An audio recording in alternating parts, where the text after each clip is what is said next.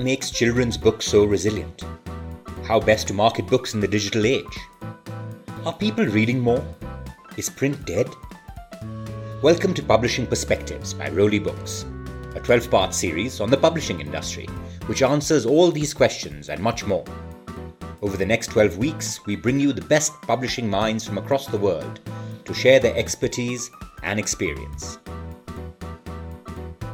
Episode 4 Book Adaptations for Screen. What are the dynamics involved in adapting a book to a movie or a web series? How are creative differences negotiated? Is the publishing industry benefiting by optioning their content for the screen? Today we have with us Adrian Levy is an internationally renowned and award winning investigative journalist who worked as a staff writer and foreign correspondent for the Sunday Times for seven years before joining The Guardian as senior correspondent. He is co author with Kathryn Scott Clark of two highly acclaimed books The Amber Room, The Fate of the World's Greatest Lost Treasure, and The Stone of Heaven, Unearthing the Secret History of Imperial Green Jade. He has reported from South Asia for more than two decades. Anuja Chauhan was an army brat, born in Meerut Cantonment and educated in Meerut, Delhi, and Melbourne. She has worked in advertising for over 17 years and is credited with many popular campaigns, including PepsiCo's Ye Dil Mange More, Mera Number Kab Aayega, Oye Bubbly, and Dar Ke Aage Jeet Hai. She is the author of four best selling novels The Zoya Factor, Battle for Bittora, Those Pricey Thakur Girls, The House That BJ Built, two of which have been optioned by major Bollywood studios, and one of which has been made into a prime-time daily Hindi serial on TV. She lives outside Bangalore with her husband, television producer Niret Alva, their three children, and a varying number of dogs and cats. Siddharth Jain is the founder of The Story Inc., an Indian story company which sets up film and premium episodic projects for producers, film studios, TV networks, digital OTT platforms, writers, and directors, based on published books and original stories. He's been involved with films such as Marigold and Ragini MMS. He hosts a monthly talk series at Soho House, Mumbai. He has worked with Hotstar, iRock Films, AdLab Films, Hyperion Studio USA, Bazee.com, and BollywoodAuction.com. Priya Kapoor began her career in journalism at the Indian Express, after which she worked with Routledge in London before joining Roli Books as director and publisher. She has commissioned and edited both mass market books and critically acclaimed books such as Dongri to Dubai and Taj Mahal Foxtrot. She is the co founder and editor of CMYK, India's first dedicated bookshop for art and illustrated books. The four of them will be in conversation with Ankur Pathak, who is the entertainment editor and film critic at HuffPost India. He reports on the Hindi film industry with a focus on investigations into the sexual harassment and assault prevalent in the industry. He has previously worked for the Mumbai Mirror and written for People, the Wall Street Journal, and Rediff.com.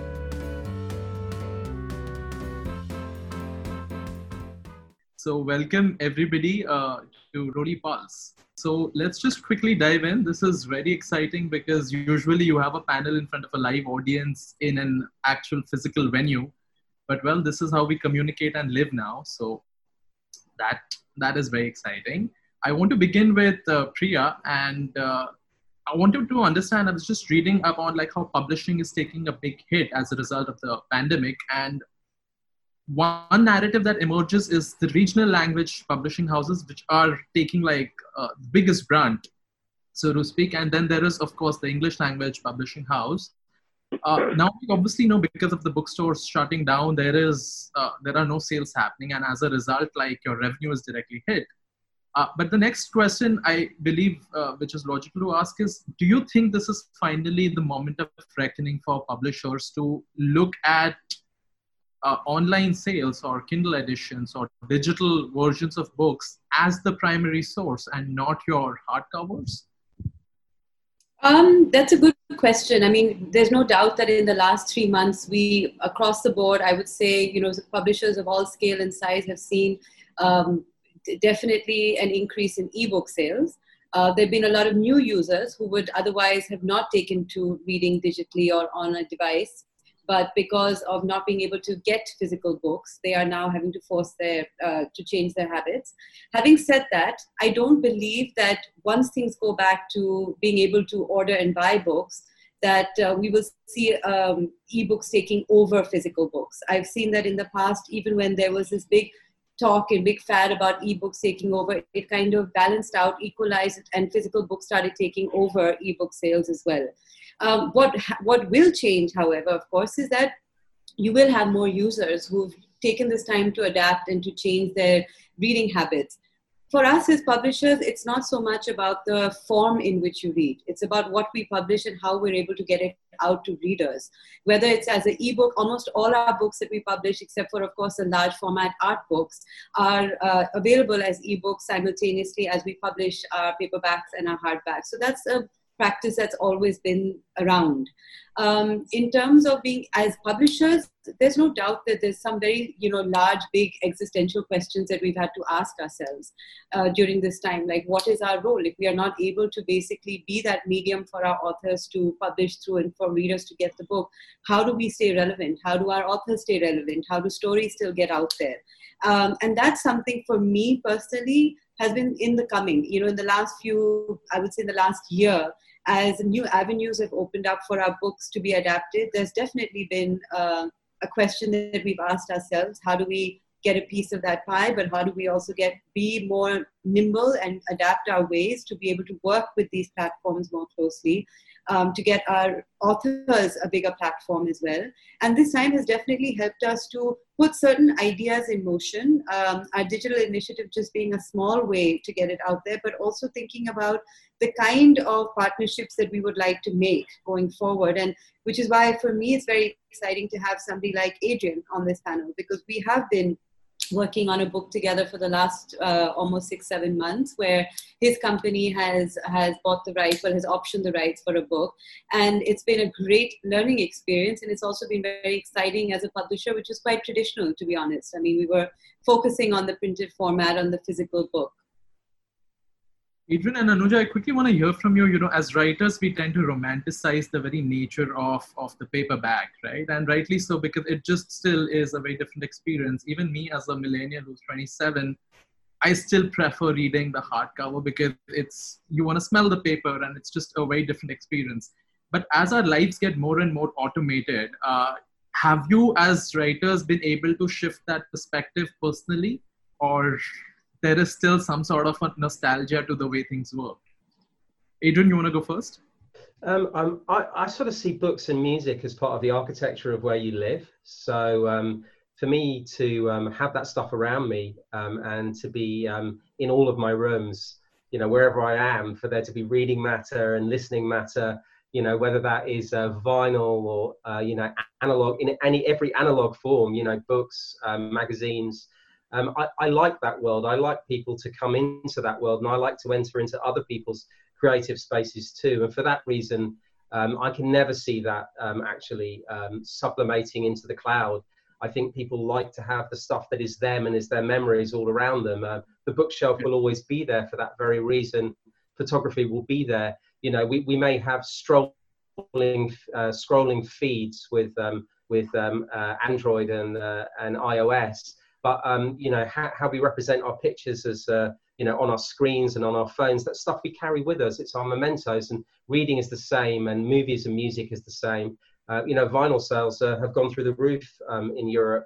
Uh, it's interesting how people are going back to that and yet they're feeding their vinyl through uh, digital media through midi systems so they're manipulating their vinyl through their macbooks and through their windows computers and so i think there's there's you know uh, rather than it, us seeing one form being extinct. I think it's the marrying of forms together. Um, and that's also true in terms of, you know, how we write, how we perceive ideas. You know, an idea is 360, an idea is the audio, an idea is the smell, the sense of the idea, it's the writing itself, it's the film, it's the podcast, it's, uh, it's, it's every dimension now. And that's thrilling, you know, totally thrilling. It's not, it's not uh, overwhelming, it's, uh, it's an opportunity sort of to also cross promote your work uh, through different mediums and as a result you re- reach more listeners viewers readers uh, anuja any thoughts on this on uh, sort of the nostalgia of the past? No, I mean, see, I, I, I love books as a reader. I mean, to your question, I would only react as a reader that I love to read a book. Like when, when you read a book, you made a commitment to that book. You have put away many other things to get that. Even if you're reading off a Kindle, you always have the option of other books you know? So as a writer i'm most flattered when someone reads like a hard copy because that means you are giving me single minded attention and that's really cool. And of course everything adrian said. I mean for me the, the, my books are part of my decor. I mean they're part of my home. It's part of like the cave you know like a most inner sanctum has lots of books in them. And it, it just that it, it's like playing on a piano and playing on a really fancy synthesizer or a keyboard like a piano is a piano um, so i think that will always be there and uh, I, I would feel most flattered if somebody read a paperback so yeah, like we're very sure where your loyalties lie at this point, at least. So that yeah. is great. Uh, Sid, I wanted to ask you, and like uh, Priya, maybe you can also chip in here about, you know, with the eh, sort of emergence of streaming studios, there has been like so much of content that gets produced almost on an industrial level, right? And like anything that gets mass produced will kind of take a hit at the quality of it. Uh, but I wanted to understand has that rise in uh, sort of production been proportionate to more and more books getting adapted for screens or there is well, like a like a lag there no i think uh, you know also what happens in our business you know in the media business is that there's a process of development called development hell right yeah. and you know like earlier i would notice that mostly there would be original stories and very few books like anuja's books and popular authors books would sort of just get the attention of the development producers and they would start the process, you know, on taking them, converting into a project. In the last two years, when I started the Story Inc., you know, I my goal was I thought, you know, I'll set up eight, ten books in a year, and then you know I'll go back to producing. But you know, it's been two years. I just finished two years in April. We finished hundred books. So hundred books are in the process of development, which is a huge growth as opposed to what the industry was before the streaming. Obviously, all won't get made. You know some options will expire some options will get exercised. But what's happened is that the larger consciousness has come in that in production houses that we need to find stories we need to find stories that will help us deliver a content strategy faster because the growth is is exponential in streaming yeah not so much in television and films but it's all being fueled by the streaming companies trying to want more so it's a natural progression towards that uh, you know that sort of world of development. Production will only grow that much because there are only limited number of filmmakers and directors and showrunners in the business. So now mm-hmm. the the producers, if they want a certain director, showrunner, what they have as a tool is not only money, but also you know what I've got great material that I have access to, and this material is the reason why you should junk that project and come to me. So I think the development has increased. Production is trying to catch up, but I think it'll it'll take some time. But we are already in that path. I think it's a great hmm. cycle. So the process is kind of underway. Yeah. Absolutely. I mean, in my opinion, it's sort of really it's on a very high growth curve. Priya, would, would you say has this helped in sort of like you know subsidizing your expenses as a publisher, or has that become like a reliable source of revenue, like optioning books for Netflix, Amazon, Hotstar, or uh, one of those platforms? I'll be honest, I'll say that in the last 18 months, we started to look at it as a very formidable revenue stream. Uh, prior to that, it used to be a bonus if a book was optioned. You know, it was not really something that you base the book's revenues on or the success of a book. But uh, now, I mean, there was a time, I would say 18 months ago, where literally every week we would be getting a call or an email or a message through somebody saying that we want to go through your catalog and so on. Of course, very little of that gets converted into actual you know beyond just interest and wanting to know what you have but the few successes that we've had it's been fantastic for our writers i mean the publishers get a small percentage of it you know so i wouldn't really say that it's something that's overtaken or is going to take care of our expenses but yes it's a strong enough revenue stream for us to take it very seriously because more than anything it brings the attention back to the book and to the writer and there's been more than enough instances to know that, and as Siddharth just said, that it's not just about like books and authors which were already bestsellers and popular names. I'm talking about deep into our backlist. Uh, you know, books which were published almost 15 years ago and are there, they they exist. Uh, we continue to reprint them and, you know, keep them alive. However, it's been a it's been a pleasant surprise for us as well that they've been found and they've been optioned and they've been given a new lease of life almost. You know, if and when the movie or the web series does come out, it hmm. brings the attention back to the book, and that's very exciting because publishing does have its limitations on how and how much marketing you can do for a book but something yes. like uh, you know if it's adapted into the, the uh, to either a web series or a film you're basically propelled into another realm altogether. I mean I'll, I'll never forget that prayaag akbar who's a very dear friend of mine and his first novel that was sort of picked up and made it into a web series it was so exciting for me to see hoardings in bombay you know of his book saying that this is a web series coming out. I mean that's a dream come true for any first time novelist isn't it? That you see your book out there on a hoarding like no publisher would be able to afford something like that on the basis of book sales. So, as a publisher, it's been very exciting. I mean, revenue aside, it's also been uh, supremely exciting to see book stories and authors being put in the forefront and getting the kind of view that they should have gotten. Absolutely, yeah. Adrian and Anuja, I wanted to uh, sort of bring you all in about you know the very sort of nature of collaboration uh, because like as is the difference between literature and a movie, like books are so author oriented right? It's just you writing it and probably collaborating with an editor versus a movie which would have like many different voices and streams coming together. Uh, anuja you've had like uh, your movie being adapted uh, zoya factor which came out recently. Uh, tell me how do you sort of negotiate the space of retaining the spirit and essence of of your writing which is on one hand and like this sort of bollywoodization that that we see in in popular culture? Like is there a conflict there or are you able to like reconcile with that uh, quite quite easily i don't think i've had a good experience either time uh, the pricey thakur girls was made into a very strange show called Dilli Wali Thakur Girls, and then the Zoya Factor was made last year, and neither of them are experiences that have, you know, been like that have been fantastic. Uh, so I I um, I don't think it's possible. I really don't think it's possible. I think you write a book, you can have. See, the reason why I stopped working in advertising and I started writing novels full time was exactly for this. Because the goal is always creative control, right? You're like this uh, complete uh, control freak and you want to just micromanage everything and have that you know i mean like everyone is so ocd and like like i want to be in charge of everything which you can only achieve if you're a if you're a novelist or if you're a painter and you're physically doing stuff yourself right? Anything else other people come in and there's the big fat c word which is collaboration. And then you have lots of people in the room and everyone has an opinion and everyone has got their own agenda going on. And then it's whatever the hell it is. I mean if, if you look at agatha what would agatha christie say if she saw murder on the orient express? What they put out last year you know? What was that poirot why did he have so much hair? Why was he running up and down and being so energetic. He wasn't just sitting quietly and, you know, like thinking things out of his little gray cells.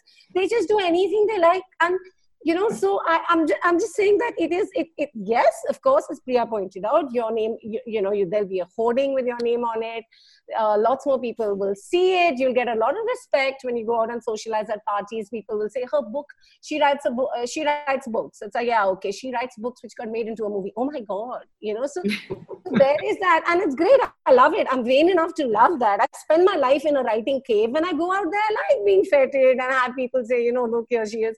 So i'm saying it does give you those little joys but uh, as a creative like you know something that adds to your creative portfolio gives you like you know joys of of putting something out there. I don't think there's anything as pure as writing the novel. And what i really worry about is that people shouldn't start writing books thinking that I'll write this and then it'll get acquired by Netflix and then it'll be amazing because mm. that is it, that is just that's terrible. You know that is tainting your medium, and that's exactly why I got of advertising because I was writing, but it was applied art and it was all tainted, and that's what I do worry a little bit. So for me, it would be much more exciting just to grow people who read rather than you know go out and do like a can can dance before people who watch movies. Adrian, is it different for you? I mean, you've mostly dabbled in nonfiction, and because there is a factual narrative happening there, do you feel that there is more sort of uh, purity in which the the filmmakers uh, treat treat your source material, and you've also been producer, so that gives you slightly more creative autonomy. Yeah, I, I, I, it's really interesting to hear Anuja, I, I, get I get where she's coming from totally, um, but I kind of um, have gone through a sea change um, where um, I'm, I'm really super engaged in collaboration. Um, sometimes it doesn't go your way. Um, I remember we wrote a book a long time ago called The Amber Room, um, which was about um, a, uh, a room carved of amber that the, the Nazis stole, and it became this big mystery. You know, who stole right. the room? And um, and uh, uh, we we went to see an American studio, and uh, we sat down with uh, an exec, and this is pre-streaming, and the exec said it's terrific. You know, it's just it's just terrific. This was on about our ninth breakfast. It's terrific, and um, what happens if the room is a portal and you know just go with me here like if the room is a portal and like when you step into it you're transported through time and uh, you know at the time I, I, I laughed my way out of that hotel room thinking this is exactly why i don't want to get involved in the traditional uh, studio system and then that producer made stargate about a year later which was like this sort of phenomenal success um, both as a, a movie and then as a series but I, I still couldn't live with the fact that our book, The Amber Room, would have become Stargate. You know, that's not where we were heading with it. But streaming has changed some things for the better and some things for the worse. The, uh, the collaborative aspects are better um, in that um, there um, is a great creative discussion. There are weak points and fractures, which is that writing has to be elevated. Um, and in the old Bollywood system, writing tended to be at the bottom of the pit. And you know the director is uh, rules and the writer is the serf, you know. And now we have to reach this point whereby like in the american system with a show like succession or any of these really great writerly shows where, dramas, yeah. Yeah where you're elevating the writer and like the writer becomes really important. If we can elevate the writer and we can bring together collaborative values and not um, take the old hackneyed approach. You know, like I think writing schools um, in South Asia for a long time have been Ponzi schemes where you know they they they induct people into um, entirely the wrong thinking about what writing should be. So um, writing is one break, and the second thing is politics is another break. So streaming platforms control the majority um, of um, our entry point, our portal into this world, and they're very conservative.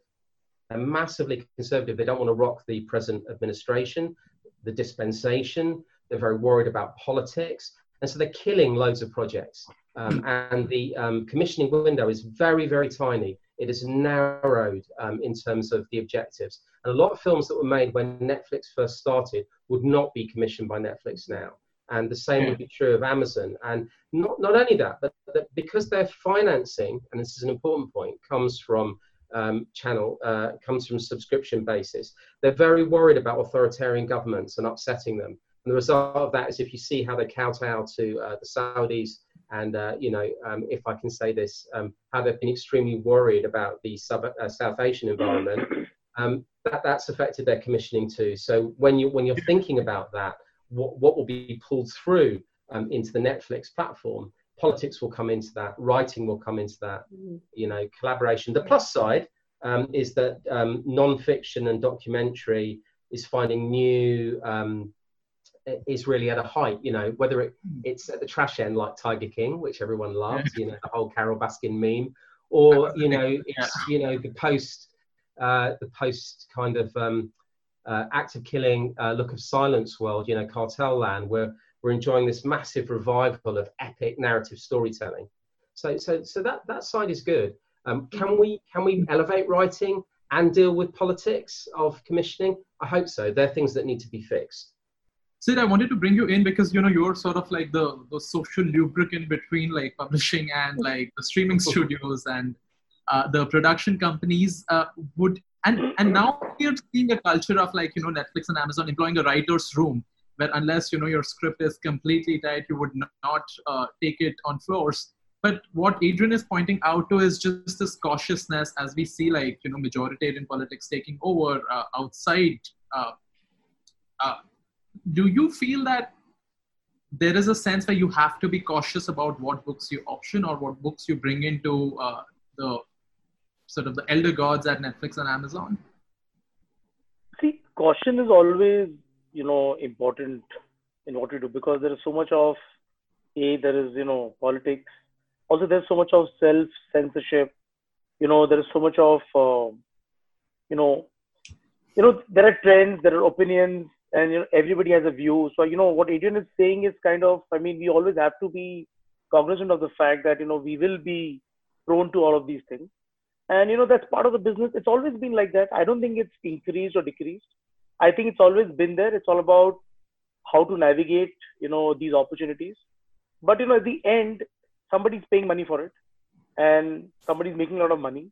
You know the value chain is shifting and writers and directors are making more money than they ever could. So it's a great time for storytellers to take advantage of this and they are sort of working around I want to ask you, eh, you know, when streaming came in, like the whole idea yeah. was that you're liberated from the shackles of morality yeah, that, that and you are having like this long form storytelling process, which was a counter to your traditional Bollywood narratives, which have always appeased to a popular sentiment and they still continue to make propaganda films or you know just that yeah. will remain for some time because see ultimately all the streaming platforms in the country want mass mass audiences every large ott platform wants to beat the tv audience in terms of numbers. You know so it's always that's what they all want and they'll always be victim to that. It's you know if there's big money it needs big audiences. If there are big audiences you have to work around those pitfalls and there's no way out. Nobody wants to be a niche player. And you have to you know be very very cautious in what you do because it could affect your business. Hmm. I don't see that changing too soon. And when you sort of bring a project uh, when you bring a book to a uh, to a streaming platform you're not just bringing the novel you're, you're selling a project essentially right? You're selling a vision of what it can be. Uh, do you have to kind of again reverse engineer your way as to you know this will get those many clicks? Because now we know exactly how many people are watching what when when are they pausing it. Yeah. Uh, but doesn't that defeat the purpose of having like you know a new sort of medium uh, that is more conducive to storytelling than than other platforms? No, so yes i think it's a combination right? Just as you know art house films existed with commercial films right in india and across the world. You know there are two industries. I think what we'll see going forward on streaming platforms, some films will get made for art, and but a lot of other films or shows will probably get made for commerce. And it's a balance. And you know what I do really is I work with the larger production houses and filmmakers in helping also figure what they want to do, what is their strategy, what what are they passionate about, what stories they want to tell, right? So if your friend Anurag Kashyap wants to tell a certain story in a certain way, you know, then we'll have to pick stories accordingly. So it's it's not one person trying to make something. Hmm. You know, like Anuja said, right? Is everybody. It's a system, and everybody has a view. Everybody has an agenda, and ultimately, it's like a committee. You know, it's it's exactly like the television business. You know, if you see most OTT players in the US and India, almost all of their employees are from television. So it's sort of television getting yeah. more expensive per episode. Yeah. And ultimately, we are trying to, and they want to reach the same audience. but you know, said the, the core difference I just want to point, point out is that like US and UK already had like a television culture which wasn't yeah. you know, your Absolutely. for us. Yeah. You had your Sopranos and The Wire and Mad yeah. Men. Yeah. So plucking people. So if Netflix wants to be another HBO, then it is in tandem with what they've already done. Right. This is right. here when. Uh, yeah, that's the issue, right? So I'm that's confident. Why, yeah. Sorry, Adrian, you were saying. I, that's the issue. That's the issue. I think elevating writing. You know, I want to come back to that again. I, have been in and out of a lot of writers' rooms, and um, I think finding that vernacular, finding the um, the tight style. If you look at the shows that work, and you and you, you look at the quality of the writing, quite often the writing is still being left behind. It's a poor third player to um, you know to um, the um, cinematography, for example, and the cinematography is elevated above the level of writing, and that's totally wrong and it's moving in it's moving in the counterintuitive way to the way that let's say smart European TV is moving, like Scandinavian TV, uh, French yeah. TV, really good shows in Germany that are coming out, like The Dark, uh, are predicated by the writing. I just was uh, watching. Um, I think it's called. Is it called Ordinary People? The Sally Rooney novels. Mm-hmm. Normal, people. Normal, Normal people. people. It's just. It's just, it's just beautiful, right? And the reason I think it's beautiful, um, I watched a couple of episodes last night, is that um, it's a beautiful visualization of a book, which is uniquely written by a very young writer, um, and maybe should not have succeeded and succeeded against her own expectation. But the writing is tip top, like the writing is crisp and smart, and yeah. um, there can performances to go alongside that. and I think I think we should all be focusing on on that element, increasing the professionalization and the mm. status of the writers. More power to the writers' room, more collaboration in the writers' room. Um, you know, and that, that that that may see us through. That may see us through. Otherwise, we'll end up with a lot of super complicated plotting and beautiful visuals and no common sense um, in in in, in uh, what what's streaming whatsoever. And there are good examples of that right now. Shows that are going out where it's they're let down yeah. by calamitous yeah. writing yeah big little lies was another sort of the first season was an example of something that elevated the book to to you know to yeah. another level uh, so i must add something ankur if i can you know the thing is a large focus on writers room and writing in india started last year and yeah. i think the shows that we'll see from 21 onwards will hmm. start reflecting that but what we're seeing now was commissioned in 19 and like 18 and you know when the revolution was just on the cusp but I think the change that I've seen in terms in the last nine months hmm. has been terrific. And I think the results of those nine months we'll get to see 21 up, you know, and 22. Hmm. And I think those shows the writing will be way better than what we've seen in this country. The collaborative efforts of Writers Room will pay dividends. Definitely better. It'll be a move ahead. You know, it'll be progress for sure.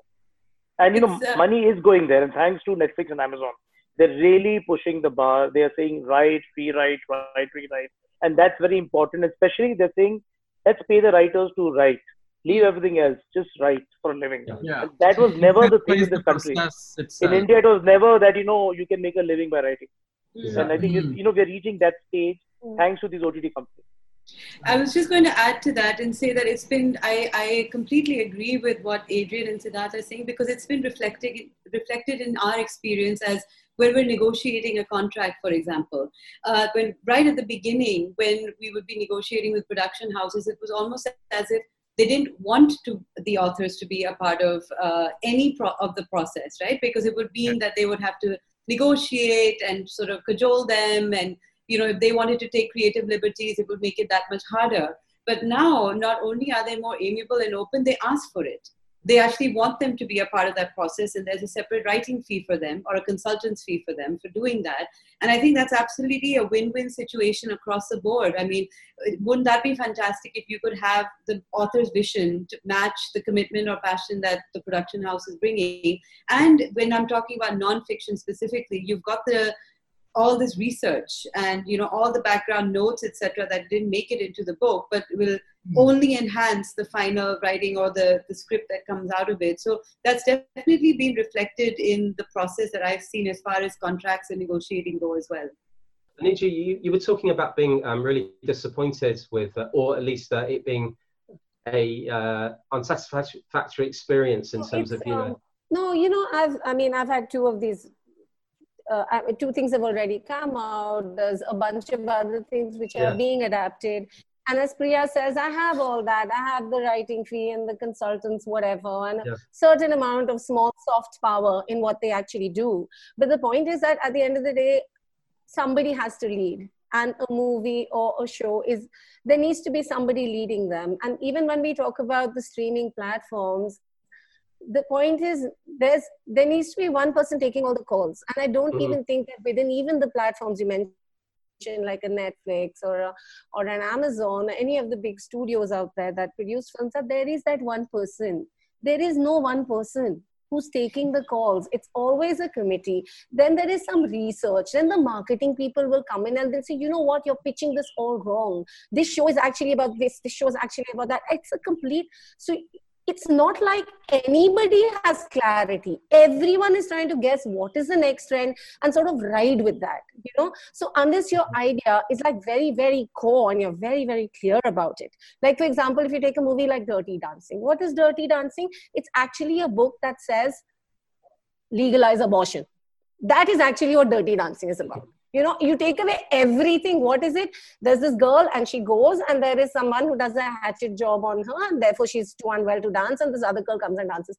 That is the writer's hidden agenda in that thing you know? And Today, what people do is that they'll go and then say, you know, up, everything else is fine, but take that abortion out.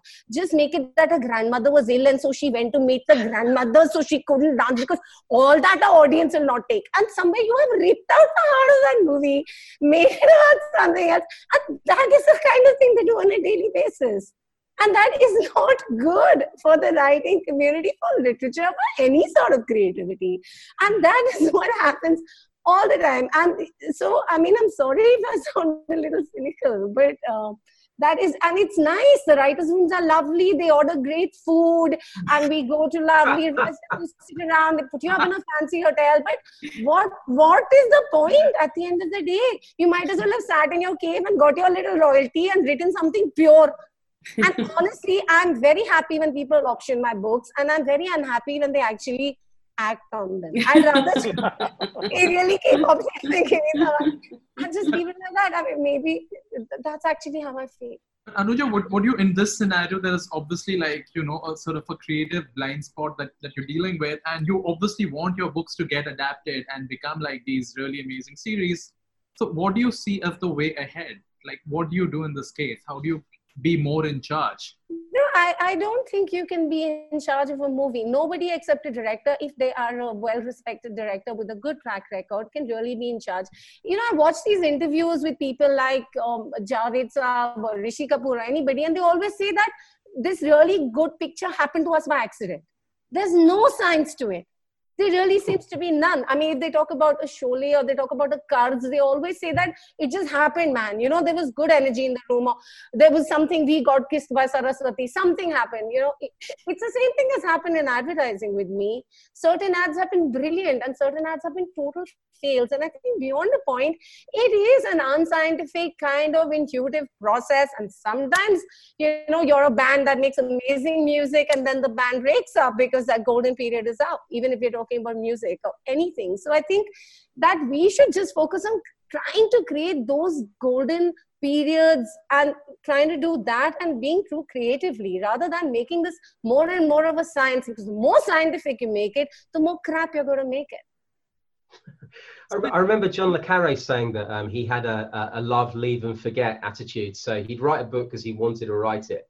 And then, you yeah. know, these people would come and they'd say, yeah, you know, we'll, we'll make a tremendous movie with your book. And he'd just say, how much are you paying? Yeah. And then they'd pay the money. And then he'd say, you know, Take go away. and then basically, you know, um, after 10 years, the book would be optioned another three times. It would never be made. You know, and he, he was he was banking the money all the way through. But the thing is, things have changed since then. Okay. One thing that's changed his children moved into production.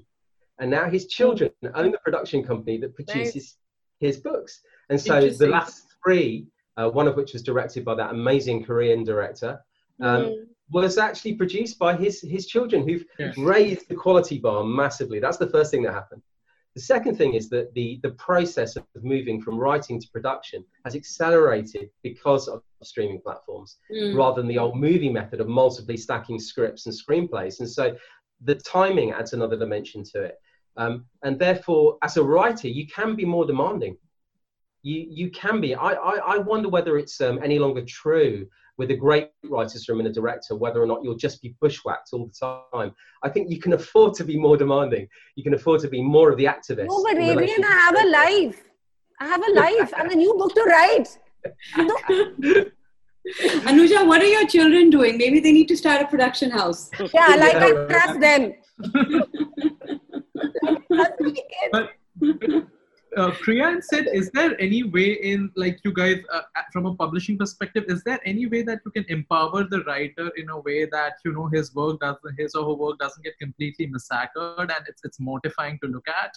Uh, on the other hand, you would want it to be elevated. I think Sacred Games, the first season, did a fairly good job in, in capturing uh, what the book did.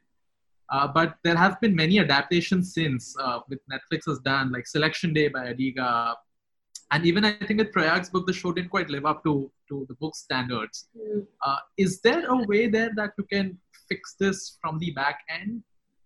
You know, um, I'll be very honest with you. I think it's something that we prepare our authors for when they're actually getting into a certain, I mean, an option agreement. That there will be production houses who'll be happy to have you on board. There'll be others who'll say, "Listen, it, I don't even know when we're going to take it forward, how we're taking it forward, whether it's a two season, uh, you know, show or it's a six part series. All of those decisions are no longer in the hands of the publisher or the writer.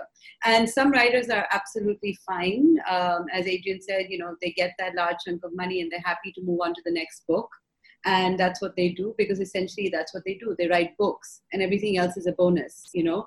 There are others who are definitely especially and you know it also depends on the nature of the book. If it's somebody's memoir for example if we're talking about you know or a biography that they've written you know spend years and years uh, gaining the trust of the subject uh, that becomes more tricky. And that's when i think you know you can definitely try and negotiate your uh, sensitivity into the contract. And that that's where it's important uh, as a publisher who sort of you know whose whose responsibility is to match the right production house or the right people who are optioning the right to make sure that it's not always driven by money. And it's not always driven by money to be honest. You know if somebody is saying to you that we want to take uh, the biography of this great uh, musician, you know, a female musician. But we're going to add a romantic angle, and we're going to add add this because this is what we need to do. We've actually walked away from something like that because it didn't work. It didn't. It did. It didn't sound uh, suitable to the writer. It didn't sound good. Yeah, exactly. So I think it it differs. But having said that, you know, as a publisher, you cannot actually uh, dictate to the production house when signing the contract that listen we're going to have creative liberties over this. It's like somebody coming to me and saying that we're going to have creative liberties over the cover that you're going to do. That's not how it works. But you need to be prepared before you get in so that there are no surprises later on. And if it doesn't work yeah. for you and the writer, you just, you know, you wait till it does and you move on to the next. Find the right partner to. Yeah, absolutely. You know, it's important to understand the process, right? Every screenplay, before it becomes a screenplay, is a story stage before that uh, whether it's a 300 page book or it's a 20 page story treatment or a 40 page story, right? There is a process that one needs to sort of go through, but to turn into a screenplay. And, you know, recently, this author, of, a friend of mine, he learned how to write screenplays a few years ago, and he's been sort of trying to navigate that path. And he sort of has started writing very good screenplays. In fact, he's written a screenplay for a very big director for that guy's story. And now when his book is being optioned, because he's also good at screenplay writing, he's mm-hmm. getting a shot at writing the screenplay. Also, it's not for a series because series usually is the volume and the length you need more writers. It's a film. So if it's a feature film and if the author has figured out the art of writing a screenplay, he's willing to collaborate with the director. I think there is some way one can sort of, you know, bridge that. But otherwise, you know, it's business and it's a process. And you know, whoever is going to be responsible. So a filmmaker is usually responsible for the film, right? For a for a series as a showrunner or a series director. So these guys will really drive the decisions because that's their job, and there will be you know that gap, and it's you know I think we need to, you know, it's not that easy to bridge that gap. There will be, and as Priya said, you know, be mentally prepared for it. And like Anuja said, you know, I mean, I've seen Zoya Factor, the film, and I've seen, you know, I know her book, and I can imagine what she's feeling because you know, you know, and so much has been lost, you know, in that process. And it's hmm. sad because sometimes the filmmaker doesn't get it, you know, and they just seeing it so differently. So, Sid, how do you, in that case, ensure that the author kind of finds the right match with a director who matches the sensibility, the aesthetic, basically speaks the visual language? Can I say, yeah? So let me tell you, I say no 500 times before I say yes. Yeah. You know, my real, I really at the storying, you know, that's why I never say we are an agency. I don't represent authors. I don't represent anybody. I am a story company. My job is to find the right filmmaker for the right story. And I think that is the only process where one yeah. can at least have a better chance of, you know, maybe finding a good screen partner for a book. That's the only way. Because if we it's like a commodity, I don't have a catalog. I don't have a list. It's specific if Dharma will reach out to me for something that I'm looking for this, I will take probably six months to find that one story for them. You know, Bhansali reached out to me last year, that said, Sid, is there something for me? You know, I had a comic book graphic novel which was published in America, which I had for one year and I did not pitch it to anybody. I told him, yes, you know, I've got this for you only. And I was waiting for you to call me. And I shared it with him. He loved it and he took the rights. So I think we have to get over this whole literary agency business. We have to get over this representation business. You know, the agencies have to be on the side. We have to look at material like projects, like talent. Which talent is right? Like for example, just today, you know, I posted on Facebook about a book. I fell in love with that book seven years ago. I told the author that I love this book, but it's too early in India. We cannot do this. You know, we got offers every year. We get two offers. I and the author have been saying no, no, no, no. This weekend we signed a deal with a production house in Hollywood for the adaptation of that book because we found the right producer, the mm. right creative executive in that studio who got exactly what the book is. And he insisted he wants the author to write the Bible and maybe be part of the screenplay process. So mm. I think that patience if somebody has, you know, we can do this, but then we can't treat it like a commodity. We can't treat it like a catalog, mm. right? So that's the big difference. I, I, like that attitude. That's a good. That's a good attitude. I, I really think that um, I totally agree with that approach. I, th- I think it's about finding the right creative partners, you know, mm-hmm. who will be part of the collaboration that you can trust. Um, and, and that and that goes across the board, you know, like if you think about when you're building a film, um, you know, um, you're, you're thinking about the cinematography, you're thinking about the sound, you're thinking about the writing, and you're thinking about the people who, when they're sitting together, are going to feed off each other and understand the zeitgeist of where, where, where that's going and the emotion of it. And spending as much time on building that and not seeing these as commodities is vital which uh, takes you back to what Anuja was saying. But there is another point here, um, which is that um, we we live by our creativity, we live by our wit, you know, and like there's no other income. So you're you're you're here to find the way to bridge the gap between um, uh, getting people to write the checks, getting people to, sign the contracts, and preserving uh, some important sense of politics, some important sense of uh, creativity, um, and so it's binding those, th- those, those, those elements together in the way that it always was, but now there are more opportunities. You know, it is a career, and so it has to pay as well. Mm-hmm. Anuja, what would you say, like, uh, you know, your lessons have been with your experience of a Zoya factor? What is it that you want to definitely avoid going forward that that's a massive red flag right when the process of uh, the adaptation begins? No, again, like, uh, you know, I'm talking about uh, so Zoya's my first book and Battle for Bittora is my second book. And both those contracts, I wasn't really looking at them too hard uh, legally, you know, the, the, the, legal contracts that I signed then at that point. So those first two novels, it was very dila that it wasn't a tight contract. I didn't specify many things. And therefore I lost control uh, on what who got them and you know hmm. they could be resold to somebody else and so on and the casting decisions and all that kind of a thing. Uh, after that from my third novel i got smarter which is why now pricey thakur girls was made once by zee but now it has been resold and it's being made by hotstar again. And this time i mean i'm happier. I have my fingers crossed. We have a very good director who seems to know what he's doing and you know this so that's mm-hmm. a nice thing to happen and so i think one thing like writers legally we, we are very chindi like we act like really you know we will skimp on legal fees and stuff like that so don't do that you need to educate yourself you need to mm-hmm. understand mm. the copyrights act you need to have a lawyer even in your yep. publishing contract and with your contract with whoever is optioning your film please understand that and put aside a little money and say this is for my lawyer and i will consult him or her and get that bit done. It's very important. So yeah. I, I i would really emphasize that on all young writers who are going out there you know so that's a big learning for sure also like i want to also ask you this anuja that uh, do you also somewhere feel that you know bollywood uh, traditionally and which seems to be like the model that even the streaming companies are replicating to a large extent has always been star driven and not plot or story driven and at mm-hmm. times like stories are written to service the image of the stars. Do, do you feel that happens sometimes if you have like yeah no look that see the pros and cons to that you know? So i mean of course the cons are very clear but the pros of that is for example like i've been reached out to by uh, actors i really respect you know people whose work i really love. And these girls will phone me and say give me this book yeah. And i'm like i'm sorry i've given it to so and so how could you give it to her? Because i do know that if so and so actress gets hold of so and so book and she is personally involved and then because they have so much power they will push all the buttons and make something amazing happen. And usually if you see a, a really you know it is because some star type of person has given their time and has made sure has sort of like mentored that whole process. So that i guess is the good part of uh, having the star system. The bad part of course is that people will take your script and you know twist it and turn it and do horrible things to it and so that a certain star can fit into it yeah. you know?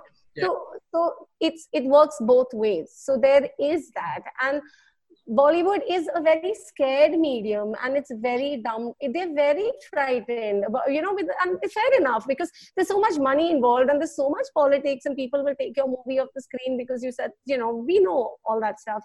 Yeah. Whereas with books, you can be much braver hmm. much braver because there's so it's such a small fraction of people who read novels in india who read novels in english is even more minuscule so you can get away with a lot you know, like Muhammad Hanif said this about case of exploding mangoes. He said nothing happened to me in Pakistan because nobody reads in English. I can happily write it. There's no issue. But the thing is, once it makes that, once it's trying to cross over into something as large as cinema, they'll just chop out all the juicy bits. You know, so. Um, yeah there's that as well so you have to be very cunning about hiding your juicy bits and camouflaging them and yeah. doing all that kind of thing. It sounds like just walking on emotional eggshells, and then there is a miracle that happens if it's right. Uh, yeah. and one would want that you know the streaming platforms are countering whatever we saw traditionally happen on But no, streaming platforms are all going to come under the you know the, the like yeah. the eye of Sauron has turned on streaming platforms in a big way. so, Guys, this has been a fantastic session. I think we could go on and on for the rest of the evening. But before I let everyone go, I want to hear one book which was adapted into a movie or a TV series that you think was better than the book or did justice to the source material. Whoa. Oh, I'll go first. I think it would have to be, this might be a bit controversial, The English Patient. Oh, that was a lovely movie. Yeah, mm. yeah, that was a great movie. Mm. I haven't revisited the book. Adrian? Yeah, I'm struggling with that because uh, I've not yet seen. Uh, I, have the, the books have always been better. Um, mm. um, I like stuff that's uh, that's conceived. Um, mm. Yeah, I'm, I'm struggling. The Sally Rooney thing at the moment, I'm loving. I'm just loving it. I really love the emotions. Um, I love the sexuality. I love the cinematography. I think the Sally Rooney thing is yeah, the thing the that's thrilled me yeah, it's thrilled me the most. Best performances. It feels so honest and heart aching. So yeah. maybe I'm going to go for Sally Rooney. Anuja? I'm trying really hard. I can give you like dozens of names of books that I'm disappointed. I thought of I, I thought of one as well. Yeah. yeah. like Where Do You Go Bernadette really broke my heart because Which I one? love that book. Where Do You Go Bernadette? Right. They made it into a movie with Cate Blanchett, and I actually was really hopeful for it. Mm. Um, but they did something strange to the plot, which broke my heart. Um, I'm very, I'm very uh, optimistic and excited about a suitable boy. Can I just? Yeah, I was just gonna mention. Yeah. Hasn't come out yet, but I'm hoping it's good. I'm really hoping. But the skills that have come, like really. Yes. Yes. They've invested in yeah. that old building yeah uh, yeah. So i'm hoping that one. So i'm quite excited about that. And i will watch. Yeah, yeah out in a few months. Sid well keeping in mind the process that you know that's part of the process which i'm aware of. hiding behind that process all the time. Now you have to honest answer. We all know so i quite enjoyed i mean i quite liked the first few seasons of game of thrones for sure. And even the fault in our stars i thought was a very good sort of hmm. film made from the book. Yeah. and I, I quite enjoyed those two there is a Bollywood adaptation coming of Fault in Our Stars, which I'm very worried about. Yeah, yeah, that I'm really worried about. I don't want to see that one. I, I quite like Lord of the Rings actually. I wasn't behind the Gollum. I yeah. thought Gollum was all wrong, but I thought Lord of the Rings was decent. Yeah, yeah, yeah. Season one, Hand, Handmaid's Tale. Handmaid's mm. Tale. I thought mm. season one was great. Mm. Mm. I didn't see that. I quite like Sharp Objects. Uh, I think the show yeah. is, is terrific. terrific. I don't I've seen it. It's it's an terrific, but it's so so yeah. close to the book. So cool. Thank you everybody for joining us and thank you. Uh, good luck everybody with the, the writing and the hustling.